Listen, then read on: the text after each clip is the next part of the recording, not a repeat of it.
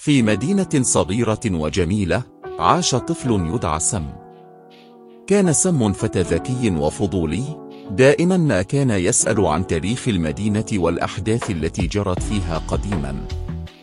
في يوم من الأيام وبينما كان يتجول في سوق السلع القديمة عثر على ساعة غامضة تبدو مختلفة عن كل الساعات التي رآها من قبل.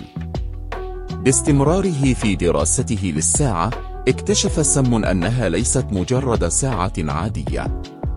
كانت تحمل أرقاما وعقارب لكنها كانت أيضا تحتوي على زر غريب على الجانب. بعد بعض التجارب اكتشف سم أن الساعة تمكنه من السفر عبر الزمن. كانت هذه هي الفرصة التي طالما حلم بها سم. بدأ سم رحلته المثيرة إلى الماضي. عندما ضغط على الزر شعر بدوار واختفت المدينة من حوله. وعندما انتبه وجد نفسه في منظر غريب.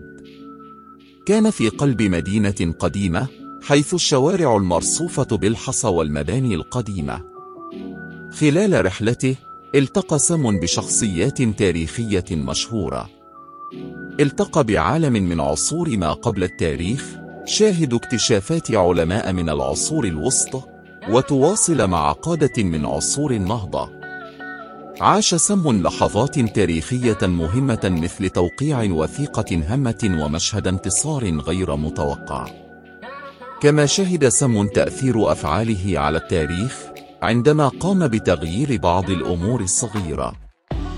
لكنه سرعان ما أدرك أهمية الحفاظ على توازن الزمن وتفادي التأثير السلبي على المستقبل. عندما انتهت رحلة سم في الماضي عاد إلى وقته الحاضر محملا بالذكريات والمعرفة. أدرك أن الزمن ثروة لا يمكن قياسها وأنه يمكنه استخدام ما تعلمه من تجربته لصنع مستقبل أفضل.